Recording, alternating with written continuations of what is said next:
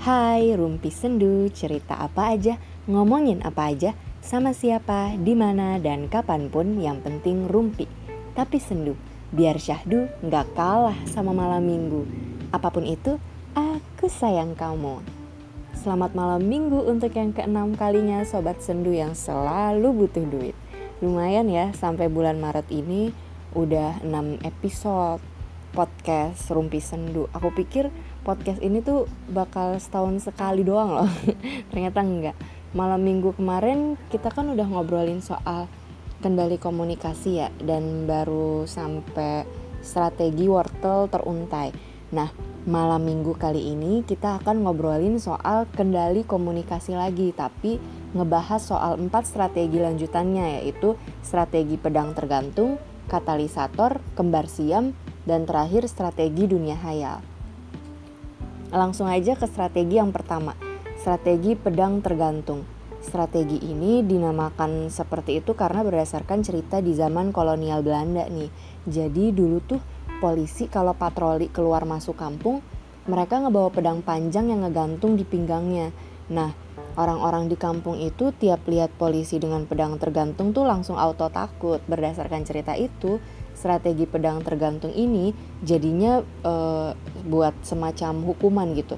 Setiap komunikator yang ingin mengurangi kemungkinan respon yang tidak diinginkan akan berlindung pada strategi ini. Kalau strategi wortel teruntai kan dirancang untuk menambah kemungkinan respon yang kita inginkan ya. Nah, kalau ini kita bisa menghukum orang lain supaya dia mengurangi atau membatasi perilaku-perilaku yang enggak kita sukain. Pedang tergantung ini ada tiga tipe.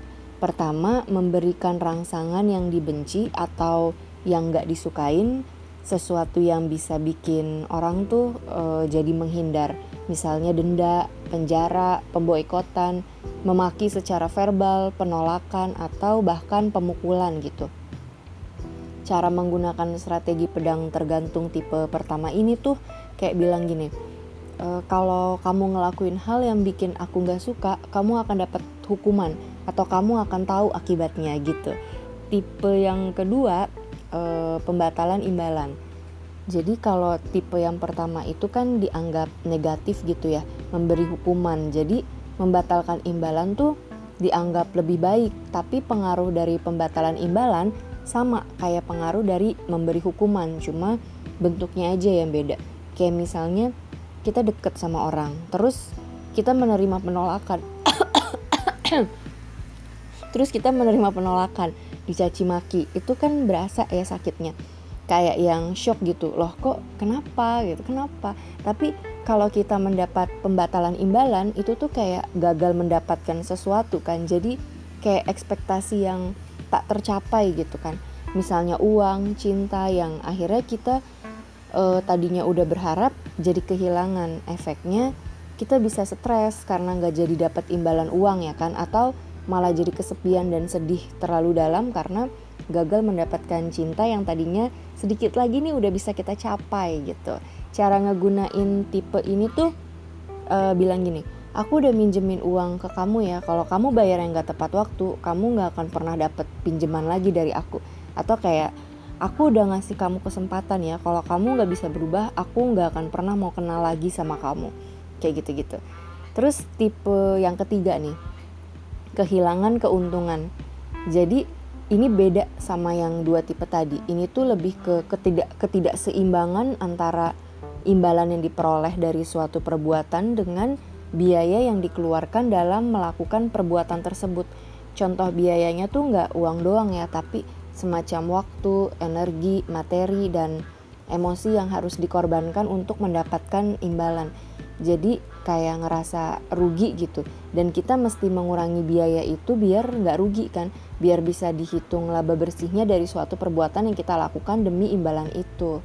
Tipe ini tuh sering terjadi juga gitu sama diri kita sendiri. Kayak kita tuh sering sering menghukum diri sendiri gitu kan untuk mencapai uh, suatu tujuan Nah, itu mesti kita hitung juga, jangan sampai pengaruh yang kita anggap uh, menguntungkan justru adalah bagian dari hukuman. Contoh juga nih, uh, ketika kita kerja dan disuruh lembur sama si bos, normalnya kan dikasih uang lembur ya, atau makan, atau uh, ya ucapan makasih aja deh gitu ya. Tapi lembur justru menghalangi kita buat kumpul keluarga atau ngehalangin kita buat ngerayain anniversary sama pacar kayak di iklan HP yang Jessica Mila sama Afgan tuh kan. Kerja mulu hidupnya sampai nggak ada waktu buat bahagia gitu. Mesti kita pikirin tuh uh, mana yang lebih menguntungkan di antara keduanya gitu. Nah sekarang apa sih pengaruh perilaku dari hukuman itu? Kalau dari strategi kendali efek dari ketiga tipe pedang tergantung tadi itu sama tapi ada pengecualian nih. Ternyata penggunaan rangsangan yang dibenci itu menghasilkan efek yang lebih cepat dan lebih menohok daripada yang pembatalan imbalan atau kehilangan keuntungan itu. Karena penggunaan rangsangan yang dibenci ini tuh menyebabkan orang dengan cepat merasa sakit dan tidak nyaman sebagai uh, hasil perubahan perilaku yang mendadak dan seketika gitu. Tiba-tiba tiba-tiba aja. Um, apa ya aku uh, juga pernah tuh beberapa kali deket banget sama orang. Eh tiba-tiba dia memaki aku dengan perkataan yang bikin aku hancur banget dan dan mendadak gitu. Bikin shock kan. Jadi tuh udah mah kaget sakit hati. Eh efeknya kan susah hilang gitu karena kepikiran terus sebenarnya salah aku apa gitu. Dan posisinya kita masih yang deket banget tiba-tiba berubah. Dan dia ninggalin aku sendirian kan. Menurut aku ya uh, uh, kita emang perlu mengkomunikasikan ini gitu loh kayak mm, bilang kalau apa yang nggak kita suka atau kita benci satu sama lain supaya nggak tiba-tiba melakukan hal yang mengejutkan tanpa alasan gitu. Tiba-tiba marah terus nggak mau menyelesaikan masalah. Itu kan bisa jadi menurut dia biasa aja tapi buat orang yang kena omongan menyakitkan itu akan selalu terekam kan. Apalagi setelah itu dianya langsung menghindar. Perih jadi kayak yang hati kecilku masih tak terima gitu. Nah yang tadi aku bilang soal pembatalan imbalan itu bisa menyebabkan stres. E, itu ternyata tergantung sama seberapa berharganya imbalan itu. Kayak misal apakah dengan batal mendapat imbalan itu kita jadi bangkrut atau jadi kehilangan banyak sekali dalam hidup gitu. Dan jadinya efeknya itu bisa akan sama dengan rangsangan yang dibenci gitu Nah, eh, lanjut kita ke pengaruh yang umum dan cukup penting katanya nih dari strategi pedang tergantung ini. Ada lima. Pertama, pengurangan atau pembatasan perilaku terhukum. Kebanyakan dari strategi pedang tergantung ini emang menjadikan pengaruh ini sebagai tujuan utama, seperti yang tadi udah kita obrolin kan. Terus yang kedua, pengaruhnya tuh komunikator mencoba mempengaruhi orang untuk menghentikan perilakunya dan menerima pengganti perilaku yang lebih baik. Jadi kayak ada jalan tengah gitu ya. Ketiga, si target atau orang yang dihukum ini melepaskan diri dari si orang yang menghukum. Kayak aku nih uh, yang ini pas dapat penolakan atau omongan yang menyakitkan itu, aku langsung menghindar, memutus hubungan gitu. Jadi aku nggak pernah chat, nggak pernah nyapa uh, karena terakhir aku min minta maaf pun dicuekin kan. Padahal kan aku udah menurunkan egoku gitu merasa merasa bingung apa yang salah tapi mencoba untuk memperbaiki dan meminta maaf gitu tapi dianya nggak respon kan. Jadi ya udah gitu. Uh, aku menghindar aja eh tapi nyebelinnya orang-orang kayak gini tuh justru ketika kita menjauh dia yang mendekat gitu dan bener-bener perilakunya tuh kayak nggak punya masalah. Dan itu kurang ajar. Yang keempat ini berpengaruh e, karena bisa jadi kita menggunakan strategi pedang ini dengan salah. Jadi si target e, si target tuh marah atau bahkan balas dendam gitu. Jadi hukuman dibalas dengan hukuman. Terus pengaruh yang terakhir nih e, pengendalian eh pengendalian apa pengaruh yang terakhir ini pengendali ingin menghindari si target ini dan ini harus dikemukakan gitu kayak bilang aja bahwa si target yang kita kendalikan ini beda pilihan dengan kita. Jadi kayak kasih pengertian aja gitu. Tapi justru ketika kita menyampaikan itu e, bisa jadi orang tersebut justru nggak nggak mau dikendalikan gitu. Jadi misalnya kita bilang ke dia karena sikap dia yang ketergantungan sama kita eh responnya justru dia malah semakin bersikap ketergantungan gitu. Aku pernah nih e, yang kayak gini dan ini bikin sakit hati sih karena udah aku omongin beberapa kali secara baik tapi dianya malah berasa kalau dia tuh orangnya asik gitu dan ngerasa gak bersalah gitu. Jadi kayak yang so asik banget loh. Uh, kayak apa ya aku tuh pengen ayo dong kita obrolin ini biar sama-sama enak gitu. Tapi dari dianya itu batu gitu ngerasa kalau sikap dia tuh nggak merugikan siapa pun nggak bikin kesel. Padahal kan hmm, sampai akhirnya aku bilang dengan cara yang uh, lebih tegas gitu dan aku jadinya menjadi uh, jaga jarak gitu ke dia. Tapi justru respon dia tuh ya ya makin menjadi gitu. Bahkan pernah sampai yang nyalahin aku gitu karena sikap aku bikin dia sakit hati katanya. Jadinya dianya makin susah lepas dan akunya makin makin susah buat uh, menghindari itu gitu kan uh, aku udah nggak tahu kan gimana tuh caranya waktu itu karena aku ngerasa terganggu tapi aku tipe yang penyayang ya jadi kayak aduh gimana ya jalan tengahnya biar nggak merugikan siapa pun gitu. Sampai akhirnya aku putusin buat matiin HP mati uh, sosmed terus semuanya off lah gitu selama dua minggu apa kalau nggak salah. Nah aku tuh untuk menenangkan diri gitu kan. Pokoknya yang tenang Jihan yang tenang gitu. Dan aku kan emang tipe orang yang kalau ada sesuatu yang bikin sakit pasti aku bakal pergi sementara gitu buat mengurangi kemungkinan menyakiti orang lain atau diriku sendiri gitu. Kalau udah lebih mendingan baru aku obrolin baik-baik kan. Pas dua minggu kemudian itu aku nyalain HP dong dengan perasaan yang oke okay, kita hadapi ini gitu eh aku justru diblokir sama dia. Dan tiba-tiba dia yang hilang begitu aja gitu. Dan sampai sekarang kita benar-benar nggak ada komunikasi lagi. Kelamaan kali ya dua minggu. Jadinya dia kesel. Dan aku merasa lega gitu. Meski kadang tuh berasa yang hati kecilku masih tak terima soalnya kan mestinya gue aja gitu yang ngeblokir ya. Enggak deh aku mah santai ya. Cuma hati kecilku masih tak terima seringnya tuh um, dalam hidup ini ya mau kita baik mau kita salah kita tuh tetap akan menerima kehilangan gitu kan. Dan cara orang-orang menghilang tuh rata-rata sama bikin sakit.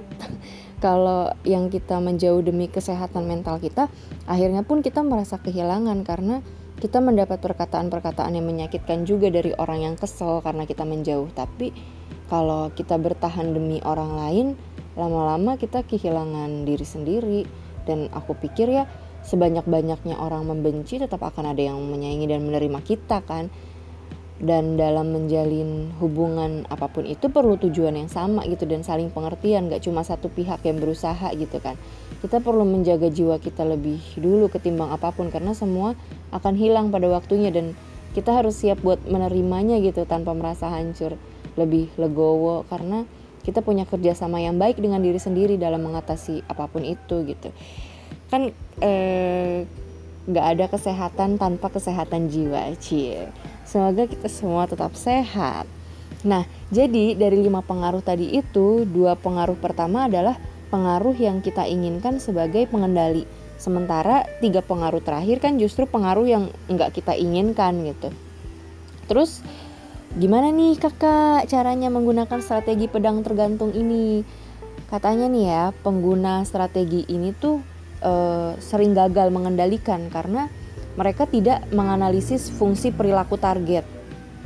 Nah ini suara abang ngelas kedengeran gak sih? Semoga enggak. Jadi kebanyakan kegiatan kita ini bisa dijabarkan sebagai uh, konsumetori atau instrumental gitu. Jadi konsumetori ini merupakan imbalan mereka sendiri. Kalau instrumental itu langkah-langkah menuju tujuan.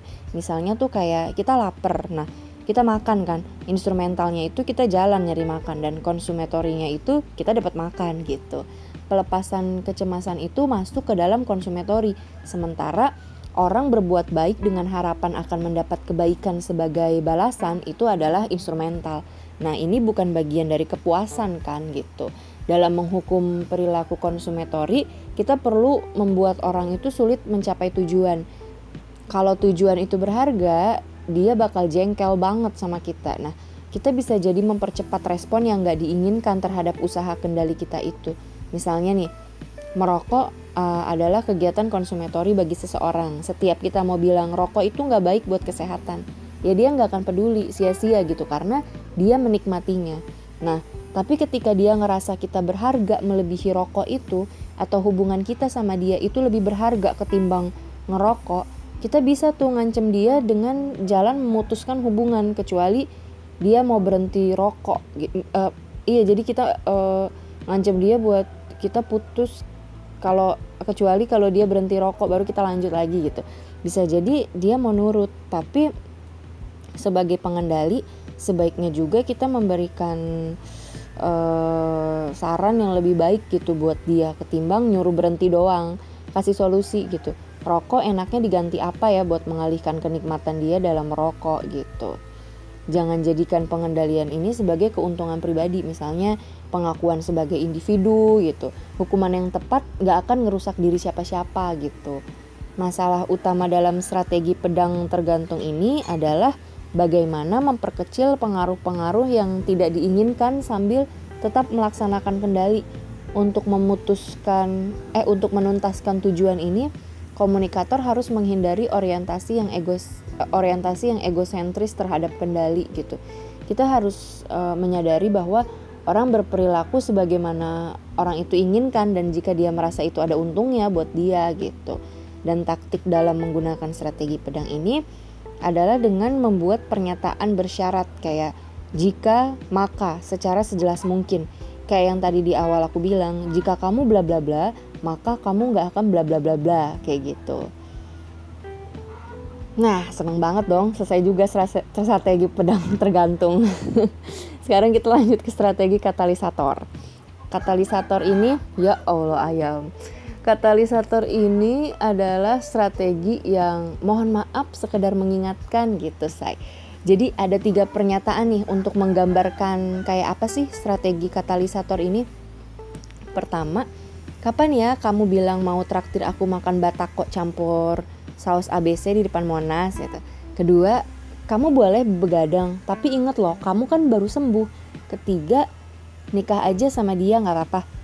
Tapi kan orang tua dia nggak suka sama kamu. Iya.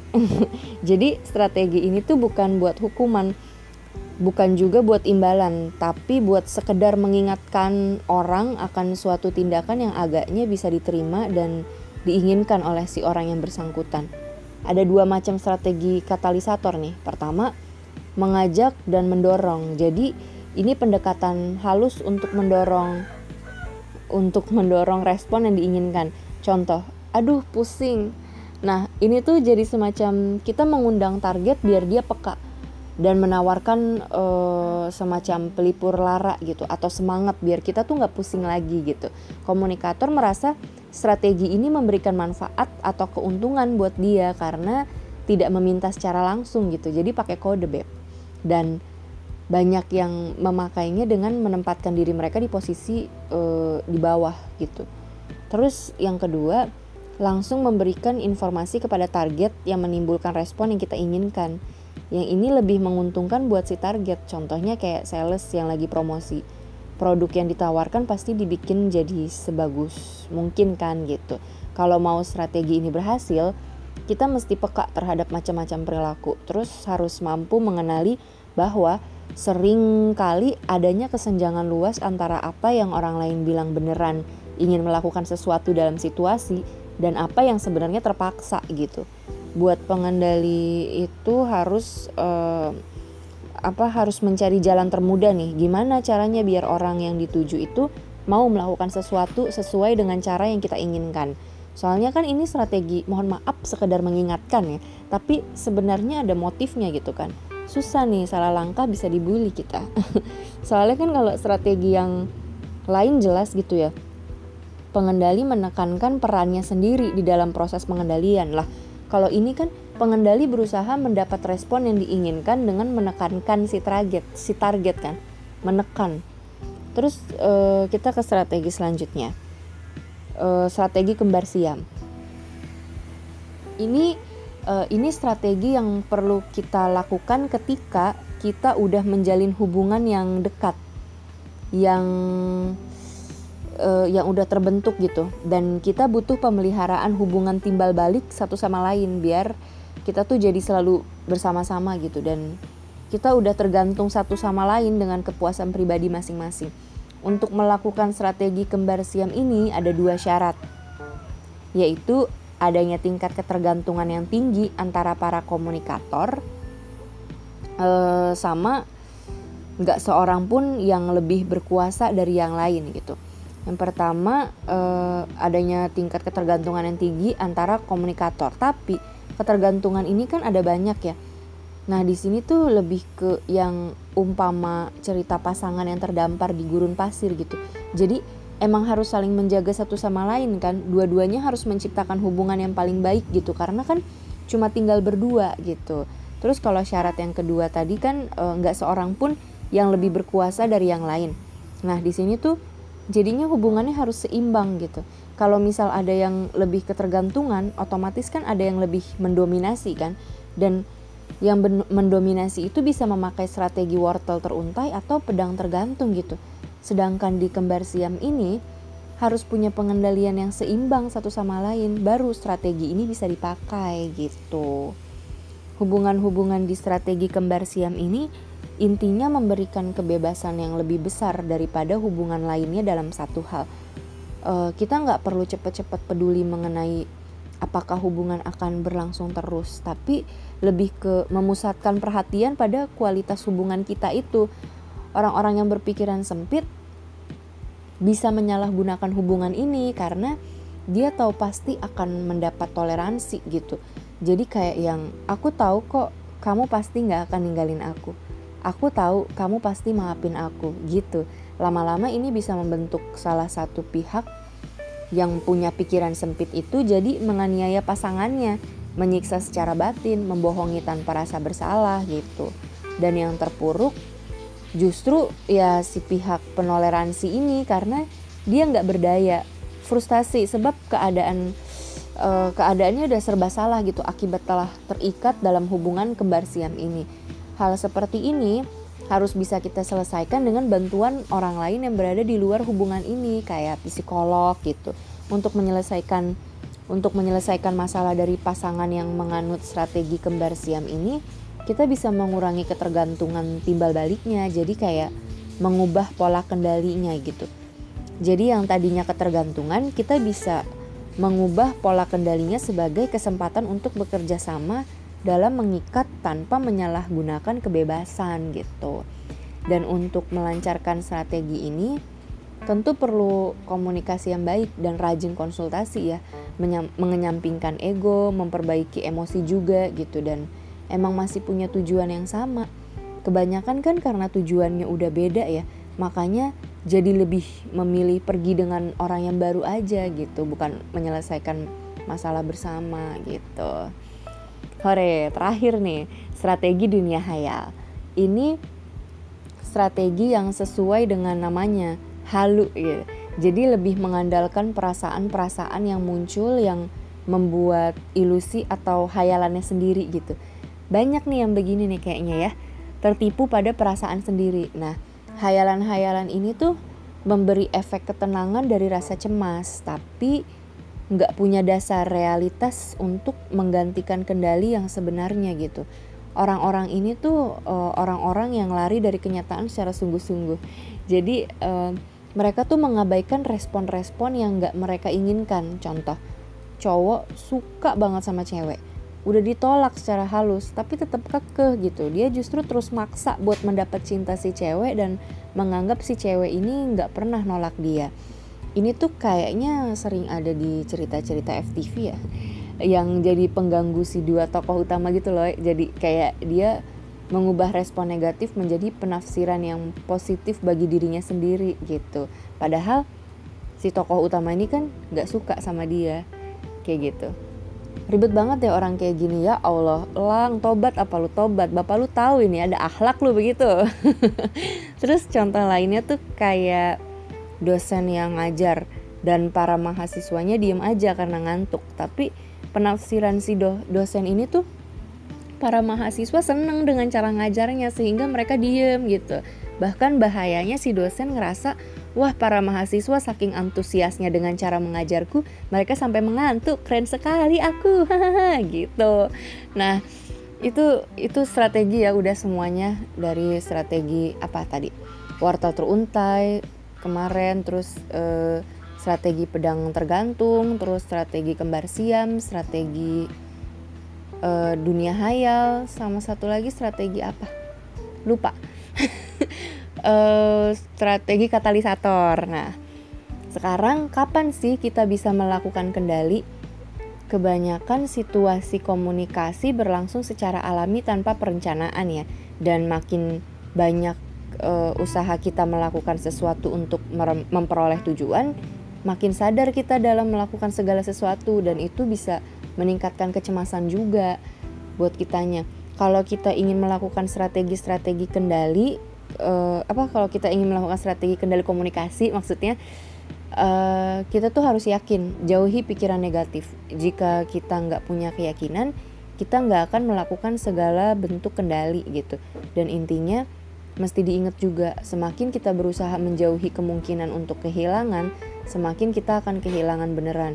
Semakin kita berusaha melakukan pengendalian, semakin kita akan sulit mengendalikan gitu. Jadi santai dan tetap berjalan secara natural aja gitu.